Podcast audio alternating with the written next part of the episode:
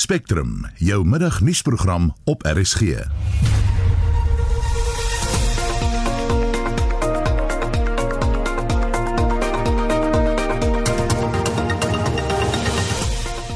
die volgende uur die regering oorweeg om 'n nuwe salarisverhoging pakket aan staatsdiensvakbonde voor te lê. Die regters wat op die Seriti kommissie gedien het, gaan ondersoek word weens klagtes van wangedrag. We've argued that it's now time that the judges are held to account for what is essentially their own gross misconduct in handling the commission. En die minister van polisie, Bekkie Cele, vra om verskoning vir die vertraging van DNA-toetse by die polisiedienste forensiese laboratoriums. Goeiemiddag, die redakteur is Jan Estreisen, produksieregisseur Evert Snyman en ek is Susan Paxton. In RSC Landbou Donderdagoggend beantwoord ons 'n luisteraarsvraag. Andrei Olivier soek raad oor die Spaanse riet wat plaasdamme oorneem. Ons het by professor Charlie Reinhardt van die Noordwes Universiteit gaan kers opsteek vir hierdie antwoord. Die jong boere van Agri Weskaap hou eersdaags virtueel kongres en PF Tron gesels hieroor. En Bruiten Milford van die Nasionale Jeugskou praat oor die toekoms van jeugskoue in Suid-Afrika. Dis RSG Landbou saam met my Lise Roberts, donderdagoggend om 5uur. 3 minute oor 12 jy luister na Spectrum. Die regters wat gedien het op die Seriti kommissie van ondersoek oor die multimiljard rand se wapentransaksie, gaan ondersoek word weens klagtes van wangedrag. 'n Volbankregters in die Hooggeregshof in Pretoria het in 2019 die bevindinge van die Seriti kommissie hersien en tersyde gestel. Die hof het beslis dat die kommissie versuim het om die ernstige beweringe oor die wapentransaksie ten volle te ondersoek. Die nie-regeringsorganisasie Open Secrets se direkteur Henny van Vieren sê daar is meer as genoeg bewyse dat die regters nie hul werk op 'n eerlike manier gedoen het nie. Open Secrets and Shadow World Investigations lodged complaints in August of 2020 against judges Willie Ceriti and Hendrik Musi, and we set out their detailed reasons why the Judicial Services Commission must investigate them. Civil society organizations have already overturned the findings of their commission into the arms deal some years ago through a, judgment by the North Gauteng High Court. But we've argued that it's now time that the judges are held to account for what is essentially their own gross misconduct in handling the commission and what we have gone further to allege is potentially criminal conduct that needs to be investigated by the NPA in covering up crucial details that the public should have had access to and would have helped to ensure accountability for the very powerful companies and politicians who benefited from the corrupt arms deal. Van Vuren sê die kommissie het miljarde rand gekos en elke ondersoek na die omstrede wapentransaksie is die afgelope 20 jaar op een of ander manier gekeer. We participated as witnesses at the Arms Deal Commission led by Judges Sariti and Musi, and we were able to see firsthand how the judges simply ignored evidence when we tried to submit evidence to them. They didn't take it into account, and of course, they refused to even call key witnesses. We consider the big arms company Thales and President Jacob Zuma, who are in court now in Peter Maritzburg on charges of corruption. They were not even called by the commission, and all of these were massive red flags about impropriety at the commission, and of course, staff at the commission saying the same thing. And very clearly, for us, it was a, a decision not only to be able to further expose this, but in order to send a very strong signal that the kind of cover up that we saw at the Sariti Commission should not be allowed. And it's important that judges must investigate their own colleagues and peers and sanction them potentially. And these could be very serious sanctions that these judges face for what we allege to be gross misconduct that they were involved in. Adjunk hoofregter Raymond Zondo is die waarnemende hoof van die geregtelike gedragskomitee wat die klagtes moet ondersoek. he wrote to us saying that he has applied his mind to the detailed submission that we uh, submitted, and he does believe that if the committee considers these facts and they find them to be true, that the two judges would be guilty potentially of gross misconduct. And so what he's done now is he's forwarded this on to the Judicial Conduct Committee who will meet on the 12th of June this year and they will then consider the arguments that we have made. They will give an opportunity to both of the judges Sariti and Musi to obviously make their own representations which they haven't made as yet so they'll hear the other side If they decide that there is merit to the argument that we make, that committee on the 12th of June could then recommend that a special tribunal is set up, effectively uh, a process then of further investigating these matters and ultimately then uh, deciding on a sanction potentially against the judges. Van Vieren sê dit gaan 'n lang proses wees. So, Open Secrets and Shadow World investigations certainly are going to participate in the process, and uh, we would make, you know, we are committed to making those representations, and we believe that it's important that this is an obviously an open, fair process, and ultimately we do so because we really do want to see justice uh, prevail, and and so certainly we will be making representations. Henny van Vieren, die direkteur van die nie-regeringsorganisasie Open Secrets. Ek is Justin Kennedy vir SI Garnis. Die strafregkenner Dr. Llewellyn Kerlo sê intussen dat die ondersoek ordentlik gedoen moet word. Na die beste van my wete sal hierdie eerste in Suid-Afrika wees en in die Suid-Afrikaanse regsgeskiedenis waar 'n regter of regters moontlike dissiplinêre wangedrag vervolging in die oë staar vir dit wat hulle gedoen het in hulle amptelike hoedanigheid. Daar is natuurlik niks daarmee verkeerd om dit behoorlik te ondersoek en as daar dan meriete daarin is om natuurlik dien ooreenkomstig sanksies op te lê teen daardie regters nie. Die verslag van die Seriti kommissie van ondersoek destyds het al baie wenkbroue laat lig en daar was destyds al reeds gespekuleer dat duisende der duisende dokumentasie nie eers in ag geneem was tydens daardie ondersoek nie. Sou dit en ander aantuigings natuurlik enige waarde dra, dan beteken dit doeteenvoudig dat daar meriete is in die kritiek wat gelewer word teen die Seriti kommissie van ondersoek en daardie regters. En dan as jy my vra, is dit die korrekte optrede om wangedrag ondersoeke van stapel te stuur. Die hoeveelheid klagtes wat deesdae teen ons regters en regslei in die algemeen gelê word, is ongelooflik kommerwekkend.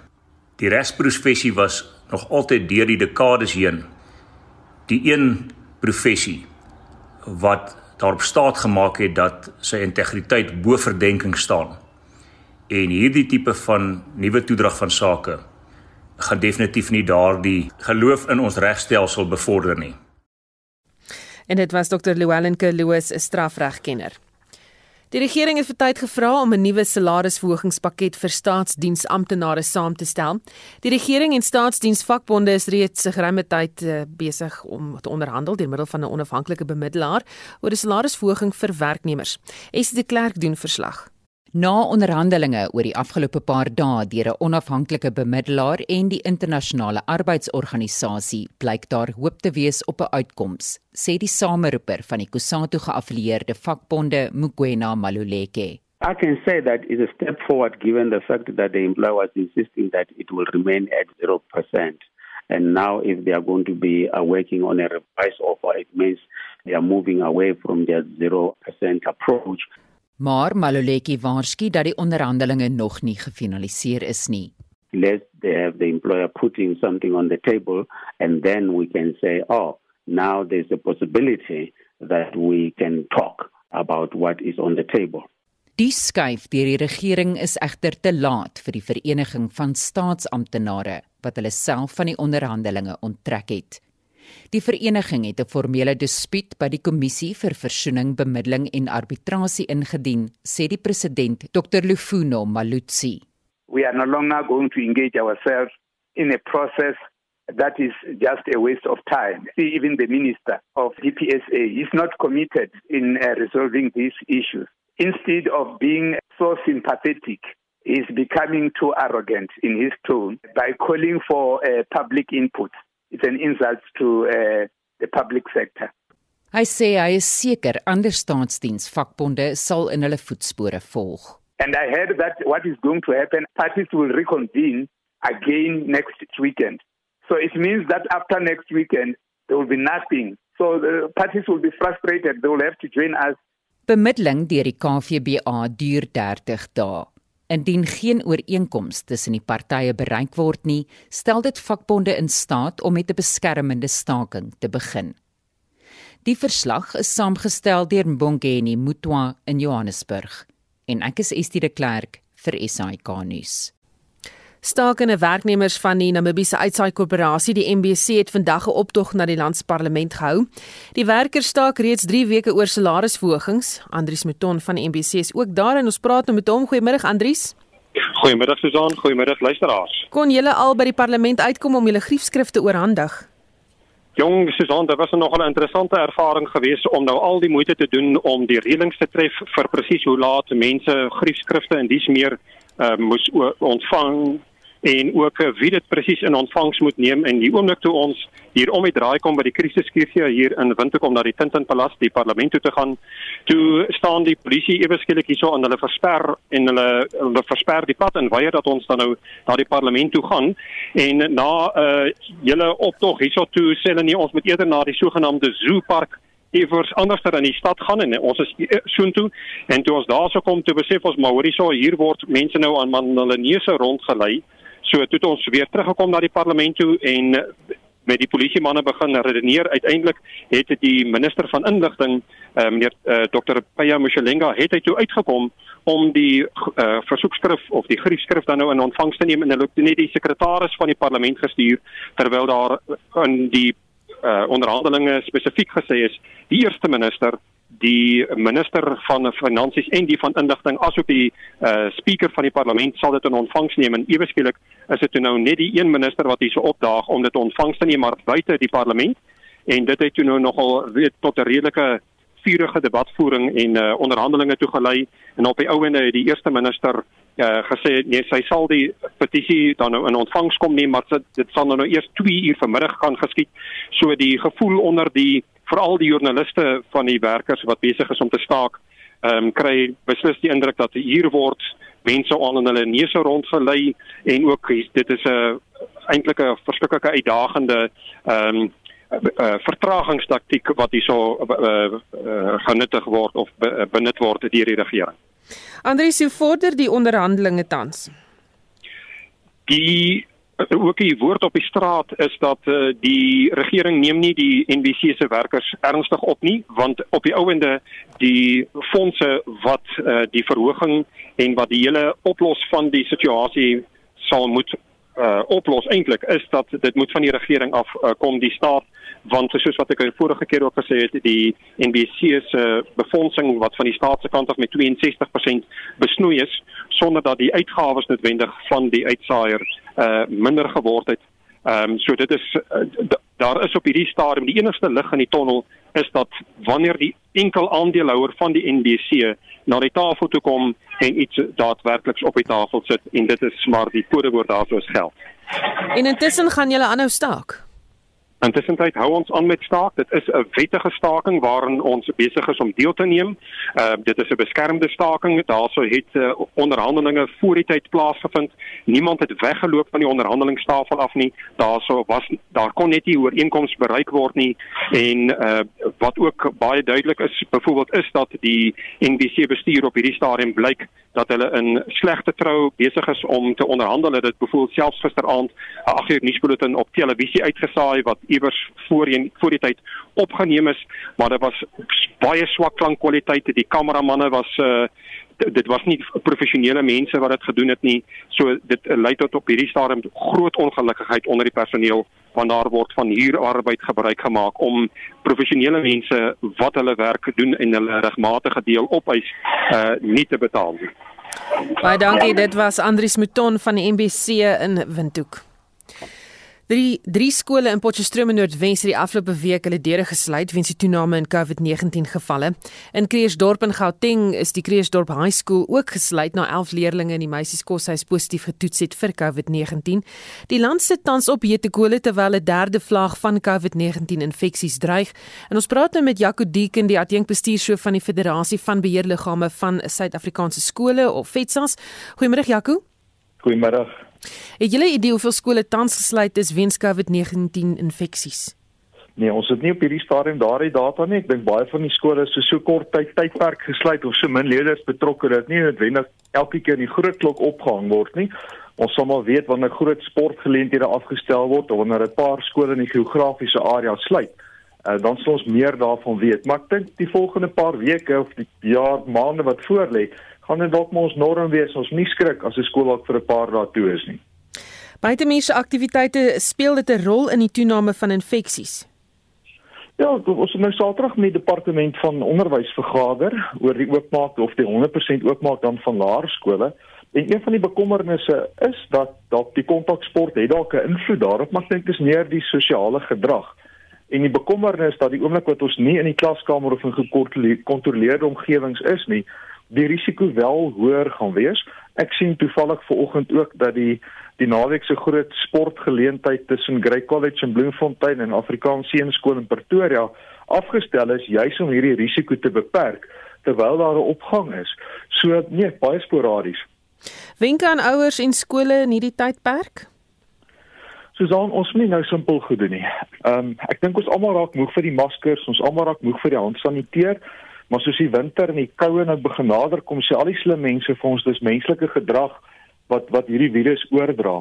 So die oomblik wat ons begin binne huis beweeg en nader aan mekaar noodgedwonge begin beweeg, is baie belangrik dat ons hou by ons protokolle om die masker te dra, die hande te saniteer, die oppervlakte skoon te maak en dan alle navorsing sê beter die vertrek geventileer is, hoe minder is die kans van oordrag, hoe laer word daardie risiko. So klaskamers sal goed geventileer moet wees as ons ry, as ons vervoer, Maar dan baie belangrik, ek dink nie die groot uitbraakpunt is binne die skole nie. Hierdie goed gebeur by die huise en in gemeenskappe en en dan word na die skole toe oorgedra. Nie net kinders nie, maar ook ons personeel, die interaksie tussen ons volwasse mense. So ons moet die protokolle wat ons nou lank volg, ons ons ons nie laat slap lê nie. Ons moet baie nou gesê bly navolg en ons kinders bly leer om dit te doen en dit nie vergeet as ons by die huis is nie. Jaco, wat sê die departement se reëls en regulasies um, oor hierdie situasie as daar byvoorbeeld 'n sekere aantal COVID gevalle in 'n skool is? Uh, jy weet hoe lank word die skool toegemaak? Uh, word hy skoongemaak? Wat gebeur? Ja, Susan, daardie protokol het ook al vanaf die virus nou ontstaan het tot nou het dit ook al bietjie verander soos wat die wetenskap verander het. Ek meen jy sou onthou in die begin as daar net 'n enkele geval was soos 'n skool sommer vir 'n paar dae toe en het massas ingekom te saniteer. Ek dink ons kan nou redelik isoleer watter groepe direk met mekaar kontak gehad. 'n Hele skool word nie noodwendig gesluit as daar 'n geval was nie. Ek dink ek kan taamlik isoleer na 'n groep of dan nou 'n bubble of 'n borrel waarvan gepraat word in die skole of net daar waar die kontak was. So die die sluit is baie keer net 'n 2 of 'n 3 dae omdat hierdie virus klaar blyklik nou nie so lank op die oppervlakte lewe nie. Die belangrike is wel waar persone blootgestel is om nie skool toe te kom nie en dan eerder in self-isolasieperiode in te gaan en dit is maar vir ons almal dieselfde en en jou te laat toets. So die oomblik wat jy kontak gehad het of 'n direkte kontak gehad het, daardie self-isolasieperiode en uh, so skole sluit nie meer vir 'n week of vir 2 weke om skoon te maak nie. Baie dankie. Dit was Jaco Deeken, die adjunk bestuurshoof van die Federasie van Beheerliggame van Suid-Afrikaanse skole of FETSAS. Die minister van Polisie, Bekkie Cele, het om verskoning gevra vir die vertraging van DNS-toetse by die Polisiedienste Forensiese Wetenskapslaboratoriums. Cele het gepraat ter is debat in die parlement oor die agterstand van die DNS-toetse. Hy sê die regering erken dat hierdie vertragings nie aanvaarbaar is nie. Die nasionale agterstand staan tans op meer as 200 000 toetse. Justin Kennerly berig. Gauteng het die grootste aantal agterstande gevolg deur die Wes-Kaap en KwaZulu-Natal. Hulle sê ongeveer 42% van die dossiere wat al 'n jaar uitstaande is, is van misdade teen vroue en kinders. The Minister of Police, on behalf of the SEP, I want to take this opportunity to apologize sincerely to all victims of crime for the pain and anguish these delays have caused. We owe it to all of you be transparent about how we got here and how we'll improve this situation as we go forward. Die minister sê die hartjie van die probleem lê by 'n gebrek aan befondsing wat gedeeltelik veroorsaak is deur die nasionale tesourie. Die DA skaar die minister oor polisie wat die debat aangevra het, Andrew Whitfield, het die skuld op president Cyril Ramaphosa gepak omdat hy nie die minister van polisie verstok gekry het nie. DNA backlog was a completely avoidable crisis if sufficient care and attention was paid to this issue when I first raised it in 2019. Mr. President, you have ignored my letters, you have ignored the cries of victims of violent crime like Chantal Mokwena, and you have ignored the failure of your minister to prevent this situation. Mr. President, you are complicit in this unprecedented crisis. Die ANC-LPN voorsitter van die polisiekomitee, Tina Jumat Petersen, het die president verdedig. So why do you want to keep the honorable president responsible for a matter which you have assisted us in solving. There is something really wrong in the thought process of someone who assists in solving matter, but then continues to insist that there is a crisis. Die IDM-LP, Abayomzi Nkwankwa en ACDP-leier Kenneth Meshwe het ook die vertragings veroordeel.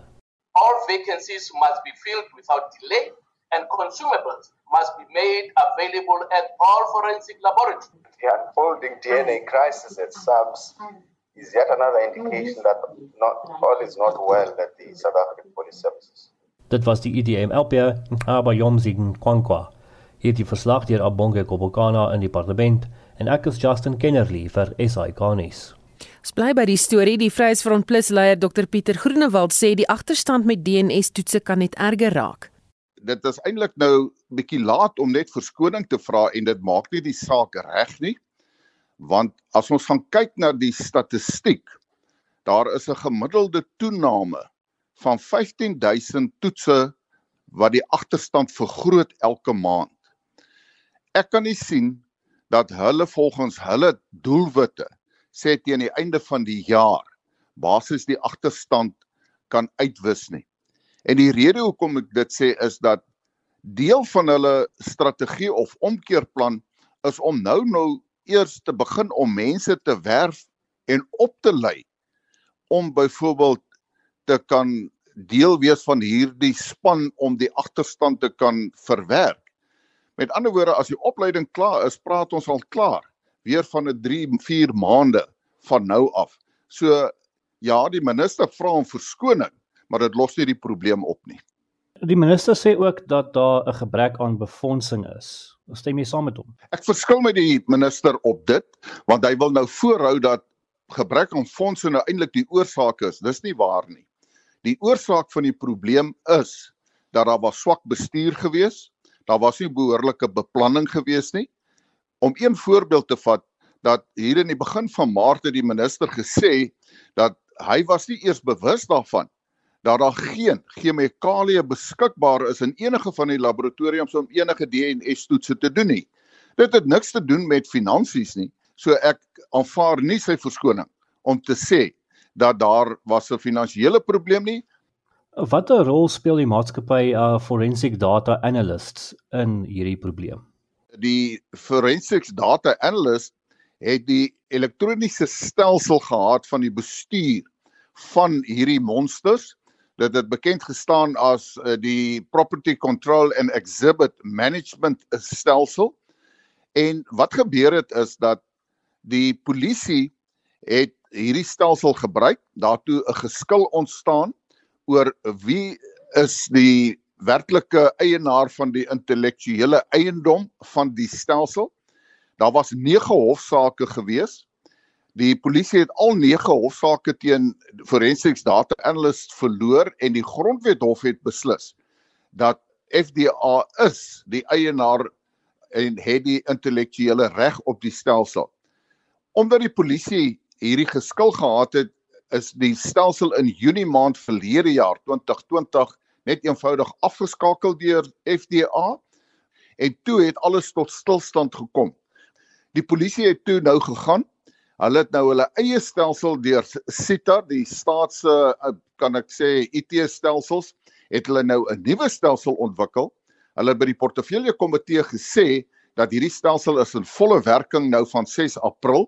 Hulle weier om die fondse te betaal vir FDA terwyl dit wel beskikbaar is. Tesorie het daarvoor begroot. En waar ons nou is is dat FDA het hom nou weer tot die hof gewend want dit blyk dat Sita die staat nog steeds die intellektuele eiendom misbruik van FDA en ek voorsien teen volgende week gaan hulle 'n interdik kry om hulle te verbied om verder te gaan met die stelsel dan is ons terug waar ons aanvanklik was. Dokter, die hele NDA het al briewe geskryf en klagtes gerig en so aan oor hierdie probleem. Niks is gedoen nie. Wat is die volgende stappe nou?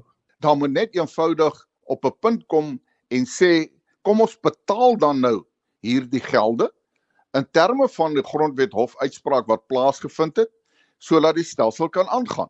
En dit is 'n baie eenvoudige oplossing Ek is nie hier om byvoorbeeld vir 'n bepaalde maatskappy na vore te tree of werwing te doen nie. Dit gaan hier oor 'n werklike situasie en dit is hoe maklik dit opgelos kan word. Daar is egos in hierdie hele spel en daardie egos moet op sy geskuif word. Hulle moet betaal want dis my en jou belastinggeld wat wel beskikbaar is sodat die stelsel nie tot stilstand kan kom nie en dat hulle hulle werk kan begin doen. Dit was Dr Pieter Groenewald, die Vryheidsfront Plus leier en hy het met Justin Kinnerly gepraat. Die COVID-19 pandemie gaan voort om verwoesting oor die wêreld heen te saai. In die afgelope 24 uur het 71 mense in Suid-Afrika aan die virus gesterf en die dode het al op meer as 54000 te staan gebring. Families wat hulle geliefdes verloor het, sukkel om die smart te verwerk en ons Noord-Kaapse korrespondent Reginald Witboy het met van die families gaan praat en die verslag saamgestel. Die virus skeer families uiteen. 'n Noord-Kaapse familie is in rou gedompel nadat hulle 'n vrou, ma en ouma verloor het. Die 53-jarige Everil Cady is in Augustus verlede jaar in die hospitaal opgeneem. Sy het positief vir COVID-19 getoets en binne 'n week het tragedie die familie getref en hulle verpletter. Haar man Neil deel sy pyn. Losing my friend, my confidant, my advisor, my nurse, my doctor, my housekeeper, you name it. She was all of that. And just want to it's unbearable. I can't cope. I really can't cope with it.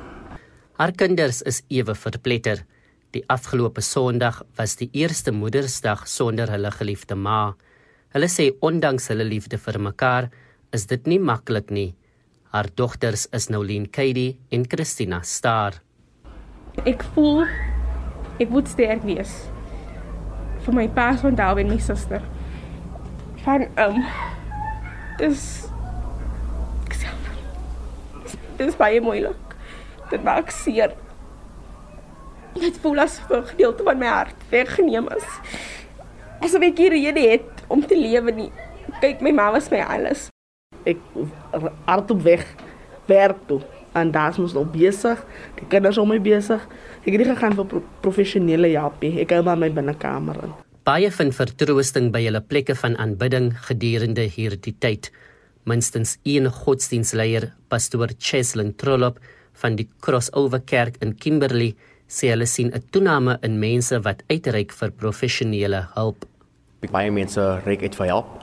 Um baie mense in die tyd ook um het by daai realization gekom dat ons almal nodig iemand. Verstaan jy en ek dink die pandemie het ons almal maar so onkans gevang. Ons was eintlik baie van ons was eintlik gereed vir dit nie. En toe dit kom, het ons definitief 'n rise gesien in mense wat eintlik sê wat eintlik na ons toe kom en vir ons sê kykie, ek nodig help. Oor die afgelope paar maande is die inperkingsregulasies verslap nadat die ekonomie erg gebuk gegaan het.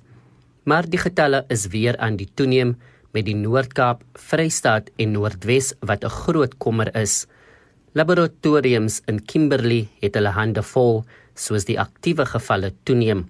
Vir die Kaidi familie is die statistieke van sterftes nie net getalle nie, maar 'n daaglikse werklikheid van verlies. Ek is Reginald Witboy in Kimberley. Spectrum, jou middagnuusprogram op RSG.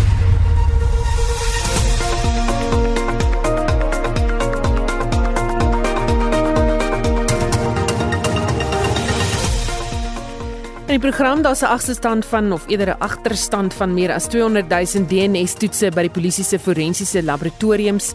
Die DEA gaan sy lede se kwalifikasies audit en ontevrede ANC-lede in die Dr Kenneth Kahunda streek in Noordwes dreig om interdik te kry teen die tussentydse provinsiale komitee. Bly ingeskakel.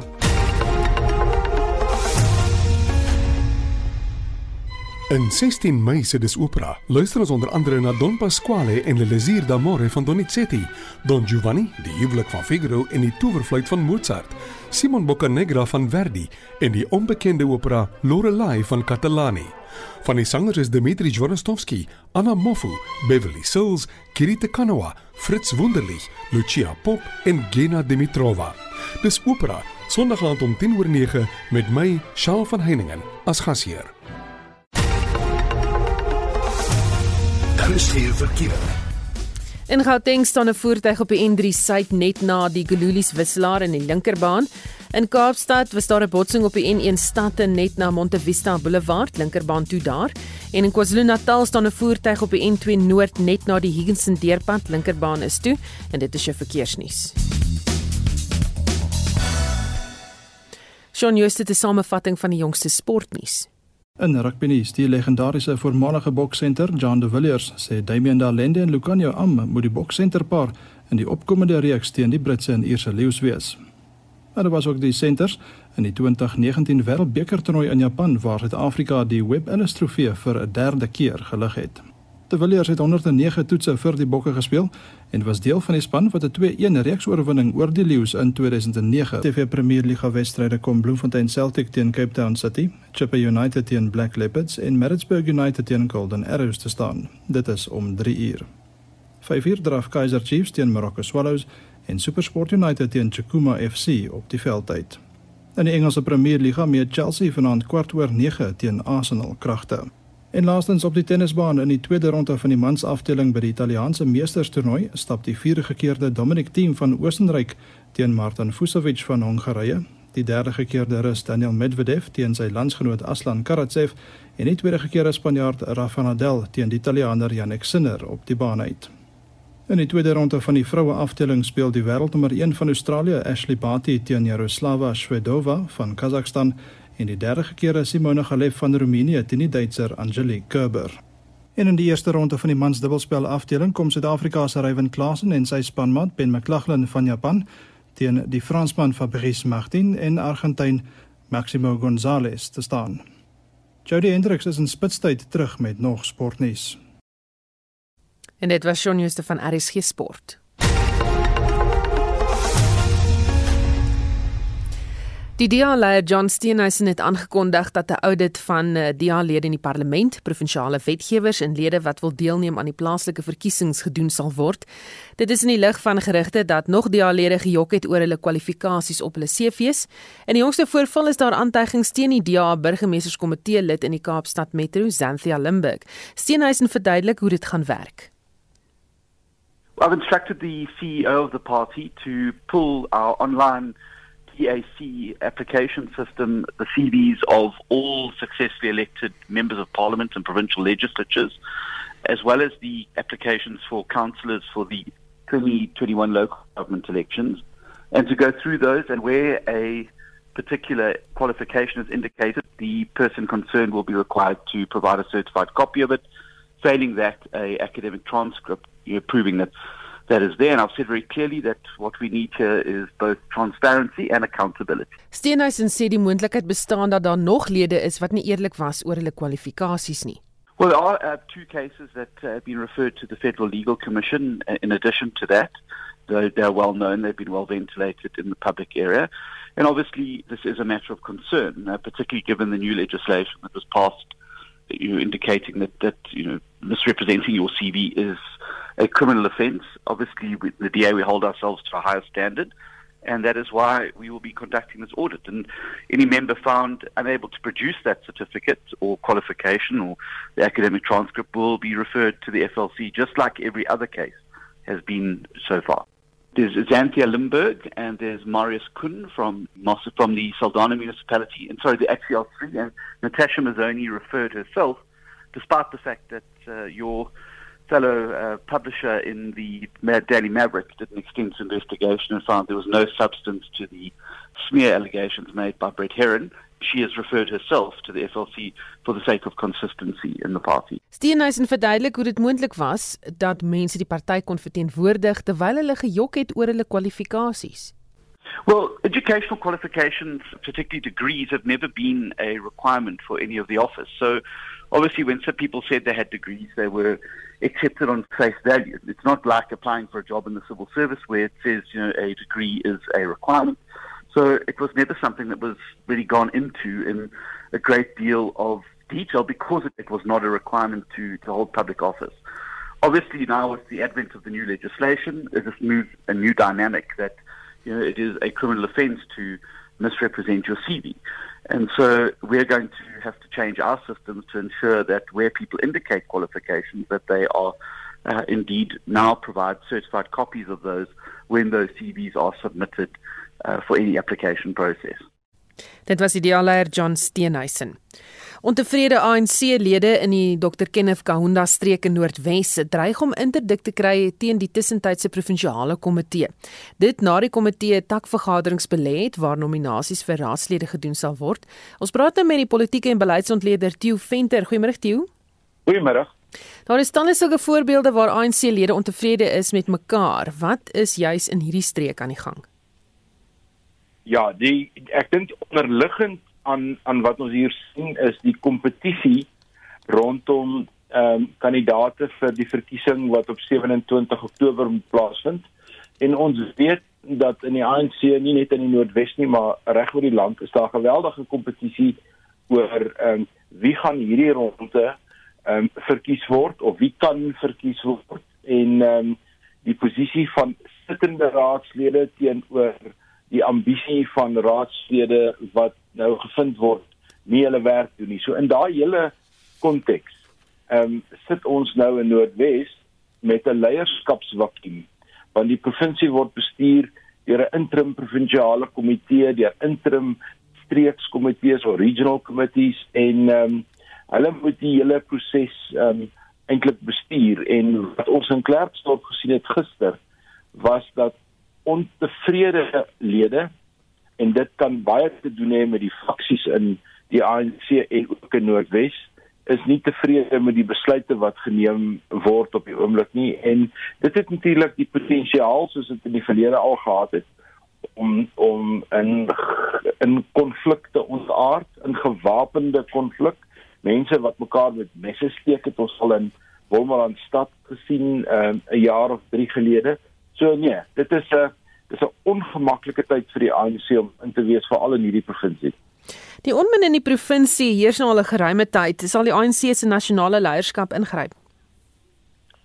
Wel, hulle het wat hulle in die Noordwes gedoen het, beplan hulle nou ook om in die Vrystaat te doen en dit is die daarstel van 'n interim provinsiale komitee wat in alle opsigte eintlik ehm um, alle funksies oorneem van 'n verkose leierskap, maar wat die mandaat het en eintlik die opdrag het om by 'n provinsiale konferensie uit te kom sodat daar leierskapsverkiesing kan plaasvind. Dit moet in die Noordwes plaasvind en dit gaan nou in die Vrystaat ook plaasvind en en da, in daardie proses is daar natuurlik baie baie kompetisie um, vir leierskap en dit is dit val vreemd op. Dis eintlik half teenstrydig. As jy lei, as jy luister na die nasionale leierskap en hulle vra vir iemand soos Paul Machetile of uh Yswagashule, ehm um, het jy ambisie om president te word? Dan is die standaard antwoord altyd ehm um, nee, ek gaan waar die party my stuur. Ek gaan waar hulle my wil uh deploy, waar hulle my gaan ontplooi. Maar as jy ondertoe beweeg, dan is daar ongebreidelde ambisie waar mense baie duidelik sê ek wil daai posisie bekleed. So my My vraag aan die ANC was nou altyd wanneer verander dit? Wanneer op watter vlak word jy gevra om 'n sekere pos te bekleed en op watter vlak dan wys jy jou ambisie by wyse van politieke konflik? En dan op 'n ander noot, die geskorste ANC sekretaris-generaal het 48 uur om verskoning te vra vir sy skorsingsbrief aan president Cyril Ramaphosa. Enige nuus uit daardie oord? Nee, nog niks. En een van die groot vrae is wanneer begin die ure aftel? Want soos ek dit het, het is ons nou in die laaste paar uur van 48 uur en ek dink Yswagashule is met 'n geweldige uh uh soort van konflik nou gekonfronteer.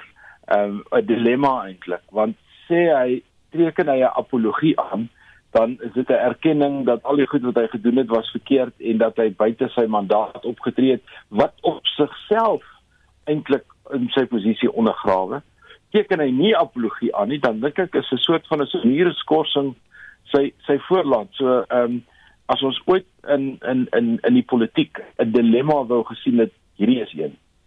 Baie dankie. Dit was die Venter, 'n politieke en beleidsontleder.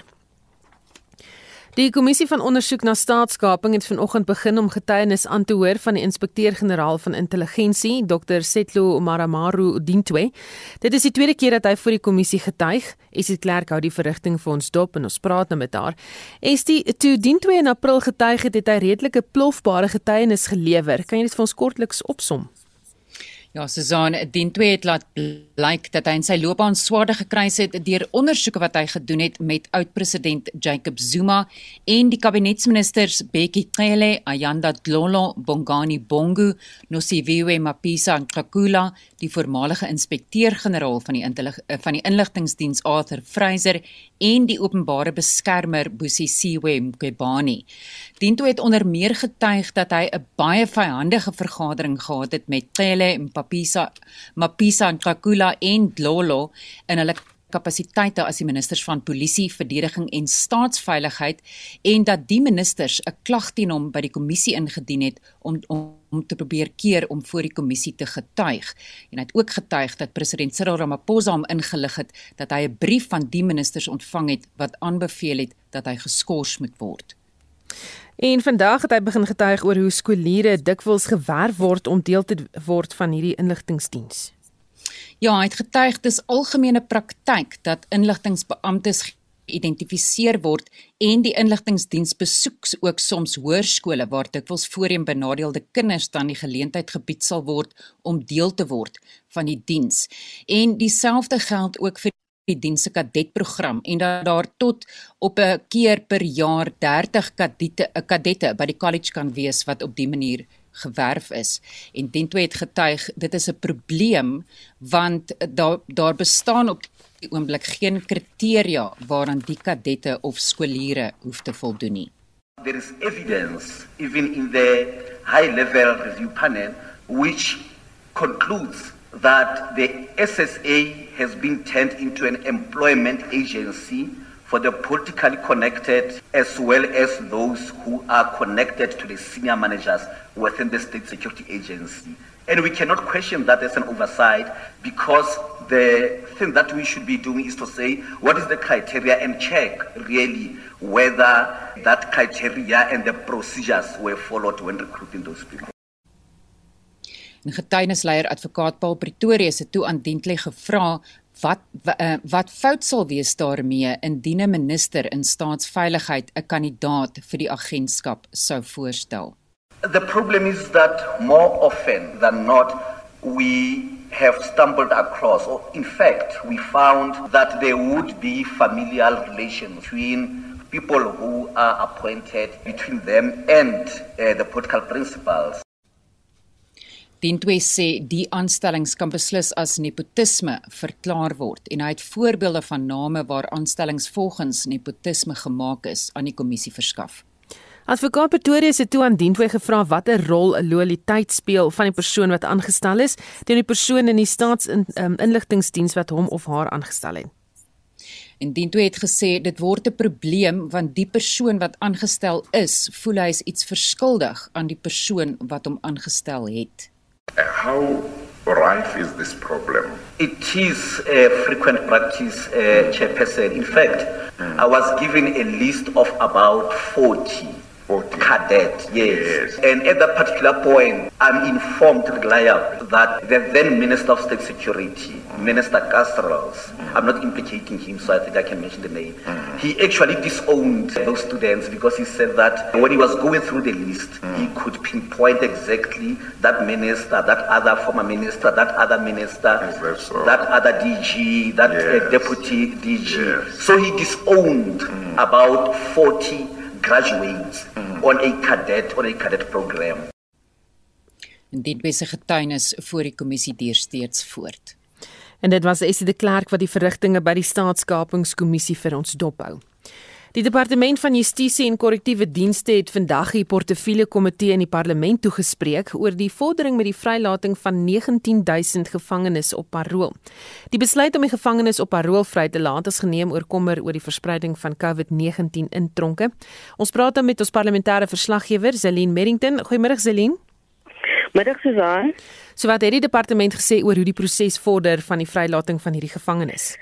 Ja, vandag was nou 'n uh, terugvoer sessie oor 'n um, jaar later en um, aanvanklik het die departement vir 19000 ehm um, het hulle 19000 gevangenes geteken, maar na evaluering is dit ehm um, was dit tot net onder 14000 gewees en dit was almal lae risiko gevangenes wat nie vo, wat nie in gevangenes was omdat hulle ernstige misdade gepleeg het nie. Ehm um, van hulle is daar 129 wat weer in hegtenis geneem is. En kan jy dit glo, dit is nou vir onder andere misdade soos moord, verkrachting en aanranding. So daai 129 het nog gegaan van lae risiko tot ehm um, hierdie verskriklike ernstige misdade. Dit het ook hulle span hulle is ook aangekeer vir ekonomiese misdade soos huisbraak en die departement sê dit spreek natuurlik tot werkloosheid en die herintegrasie ehm um, in gemeenskappe. Die departement het ook die komitee toegespreek oor beweerde gevalle van seksuele ehm um, weet voorvalle tussen gevangenes mm. en bewaarders en maatreëls wat in plek mm. gestel gaan word. Ja, die ehm um, adjunkminister Patakile Olomisa het nogal regtig in die verleentheid geklink oor hierdie saak. Hy het gesê dit is 'n groot skande en stel natuurlik die departement. Celine, jy nog daar?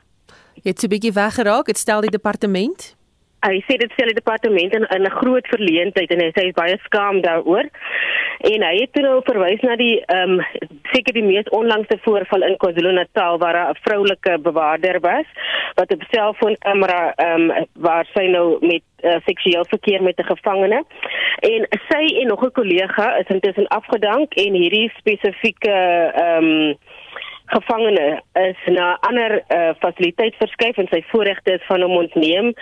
En dit was ook uh, verdere uh, verswaarende omstandighede was die feit dat hy uh, selfoon in sy besit gehad het. Maar die departement Susan sê hulle is daar is verskeie programme jy weet oor, oor etiek en um, uh bewustheidsprogramme en so wat gedurig in die fasiliteite uh beskikbaar is vir personeel. Maar soos wat LPS ook sê jy kan nie iemand leer om die regte ding te doen dit moet jy weet dit moet van self kom. Ehm um, maar hulle sê hulle probeer alles om sulke voorvalle te verhoed maar uit die aard van die saak kan hulle dit nie heeltemal keer nie. Baie dankie. Dit was ons parlementêre verslaggewer Zelin Merrington Die DEA waarsku dat Sanparks sy huis in orde moet kry want meeste van die organisasie se probleme kom van binne sy eie geleedere. Sanparks het aangekondig dat die bestuurshoof van Sanparks, Fundisile Mkiteni, spesiale verlof gaan neem terwyl 'n ondersoek na hom aan die gang is. Mkiteni het saam met nog twee werknemers van Sanparks en 'n vrou in die hof verskyn op aanklagte van seksuele aanranding en aanranding. Na wat berig word, het 'n 35-jarige vrou die klagte teen Mkiteni gelê. Sy beweer sy is na 'n huis in die personeelkamp in Skukuza gelok waar die voorval glo sou plaasgevind het. Die Diaskari minister van omgewingsake, Dave Bryant, het op 'n vorige geleentheid gesê meeste van die probleme by sandparke kan toegeskryf word aan interne probleme in die organisasie. We know that far too little has been done to combat poaching. You know, a lot of the challenges come from inside sandparks itself. It's sad to say, but that is the reality. And we very much believe that sandparks need to clean house themselves first and foremost and make sure that anybody who is implicated or involved in poaching, whether facilitating it or actively being involved in it, or even people who are who are not speaking up and giving the relevant information, that they are taken to task and, if not criminally charged, then at least disciplined and uh, removed from their positions, because we we're sitting with a very very urgent and critical situation where we could start to lose species and, and species as important and significant as the black rhino and potentially even the white rhino. Dit was die DA-skare minister van omgewingsake Dave Bryant en ons wag nog vir terugvoer van sandparke oor hierdie kwessie. Spanning is besig om op te bou by die Ditsebotla plaaslike munisipaliteit in Lichtenburg in Noordwes. Die munisipaliteit blyk twee burgemeesters te hê. Daniel Buthelezi is deur die stadsraad uitgestem nadat die ANC se tussentydse provinsiale komitee opdrag gegee het dat hy moet bedank. Tsolofelo Moreo is daarna tot burgemeester verkies, maar Buthelezi het sy verwydering in die hof betwis en is in sy pos heraangestel. Es die klerk doen verslag. Die ANC se tussentydse provinsiale komitee sê sy rede dat Botelesi moes bedank was die munisipaliteit se versuim om basiese dienste aan die gemeenskap te lewer. Hy is afgedank nadat 'n mosie van wantroue in die stadsraad teen hom ingestel is, maar hy het dit suksesvol in die hof betwis. Die stadsraad is egter nie genee daarmee om hom in sy pos heraan te stel nie, maar 'n interdik bepaal Buthelezi mag die munisipale gebou betree en hy dring aan daarop dat hy steeds die burgemeester is. I'm the mayor of the Tobata local municipality in terms of the court rulings and all that. So the only thing that is happening is that the people have just invaded the office, the offices of the municipality, and declare themselves as uh, executive committee and, and, and mayor. And my executive committee won the, the, the case at the High Court. Maar Zolofelo Murillo hou vol dat hy regmatig deur die stadsraad as die nuwe burgemeester aangestel is. Council has took a resolution that they are deploying me to a position of the mayor. Until now, there's no any other contrary issue. I'm no longer the mayor. It's true that the court has ruled in favor of Rebutelis as the mayor. The question is, how do we implement that particular court order? It's another story. But to give the Rebutelis an advice to implement that particular thing, he must go back to the political party that deployed him. Die provinsiale departement van samewerkende regering erken Buthelezi as die burgemeester, sê die LER Momoleki Tswaile. In terms of the latest uh, court rulings, the recognition goes to uh, Mayor Buthelezi. I'm sure we would accept we do not have any magic formula to go against the court decision. Inwoners sê hulle is verward oor die situasie. I don't know her name, but I know it's a female, but sad to say there is no service. The person I know is Putin. I don't know the current mayor. The mayor of Ditsobotla is Tulu Moreo. Hoewel die Ditsobotla plaaslike munisipaliteit onder administrasie geplaas is, sê die departement van samewerkende regering geen konsultasieproses het plaasgevind voordat dit gedoen is nie. Die verslag is saamgestel deur Zebulon Maine in Lichtenburg en ek is Estie de Klerk vir SAK nuus. En net so voor die einde van die program som ons die dag se nuusgebeure op. Hier's Justin Kennerly. Justin. Ja, die regters wat gedien het op die Sariti kommissie van ondersoek oor die wapentransaksie gaan ondersoek word weens klagtes van wangedrag. Nou dit is na die bevindinge van die kommissie hersien en tersyde gestel is in 2019. Henny van Vieren van Open Secrets en die strafregkenner Louwelen Kerloos het die ondersoek verwelkom. We were able to see firsthand how the judges simply ignored evidence. And of course, they refused to even call key witnesses. And all of these were massive red flags about impropriety at the commission. Die verslag van die Seriti kommissie van ondersoek destyds het al baie wenkbroue laat lig. Sou dit en ander aantuigings natuurlik enige waarde dra, dan beteken dit dood eenvoudig dat daar meriete is in die kritiek wat gelewer word En dan as jy my vra, is dit die korrekte optrede om wangedrag ondersoeke van stapel te stuur. Nou die VF+ sê die agterstand in DNS toetse kan net vererger. Daar is befondsing beskikbaar vir die laboratoriums, maar swak bestuur en ander faktore kelder enige vordering. Ek kan nie sien dat hulle volgens hulle doelwitte sê teen die einde van die jaar basies die agterstand kan uitwis nie. Ja, die minister vra om verskoning, maar dit los nie die probleem op nie. Daar is egos in hierdie hele spel en daardie egos moet op sy geskuif word sodat die stelsel nie tot stilstand kan kom nie en dat hulle hulle werk kan begin doen. En verskeie skole is gesluit weens COVID-19 infeksies. Die adjunk bestuurshoof van FETSAS, Jaco Deeken, sê talle skole word vir 'n baie kort tyd gesluit dus word daar nie akkurate syfers aangeteken van hoe erg of nie die situasie is nie. Baie van die skole is so so kort tyd tydperk gesluit of so min leerders betrokke dat nie noodwendig elke keer die groot klok opgehang word nie. Die volgende paar weke of maande wat voorlê, gaan dit dalk ons norm wees ons nie skrik as 'n skool dalk vir 'n paar dae toe is nie. En in internasionale nuus, Amerika is besig met strategiese bemiddeling in die krisis tussen Israel en Palestynë. Die Israeliese weermag het versterkings na die Gaza-strook begin stuur te midde van vrese dat 'n volskaalse oorlog kan uitbreek. Die VN-veiligheidsraad hou intussen 'n verklaring terug oor hierdie gebeure terwyl Amerika met die gesprekke en bemiddelings besig is. Baie dankie is Justin Kennerly met daardie nuusopsomming vir ons. En net so voor ons groet 'n uh, stukkie nuus, die uh, sosiale media platform of 'n video op die sosiale media platform TikTok het kykers uh, aan die kop krap. 'n Skoonheidskundige het 'n video geplaas hier op waar sy glo 'n kliënt se wimpers met 'n skêr afknip net uh, dis nou nadat die vrou se kaartbetaling nie deurgegaan het nie. En die video geplaas deur die TikTok gebruiker @lashes by Linux wys sy waar sy glo kliënt se wimpers met 'n skêr afknip. Die onderskrif lees wanneer dit tyd is om te betaal en jou kaart gaan nie deur nie. Die eindresultaat laat die vrou met stomp wimpers en haar natuurlike wimpers is ook saam met die vals wimpers afgeknip. Maar is dit 'n grap of nie? Die TikTok gebruikers kon nou nog nie agterkom of dit die waarheid is al dan nie, maar die video is al meer as 'n miljoen keer gekyk en meeste van die mense kan nie hulle oë glo nie. Ons groet namens ons waarnemende uitvoerende regisseur Hendrik Martin, die redakteur Jan Estreisen en produksieregisseur Evert Snyman. Ek is Susan Paxton. Onthou om ingeskakel te bly want die 360 span hou jou geselskap van 1 uur af.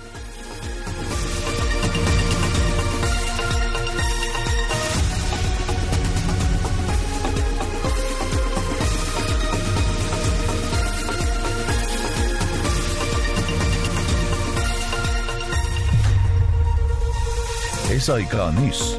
Onafhanklik, onpartydig.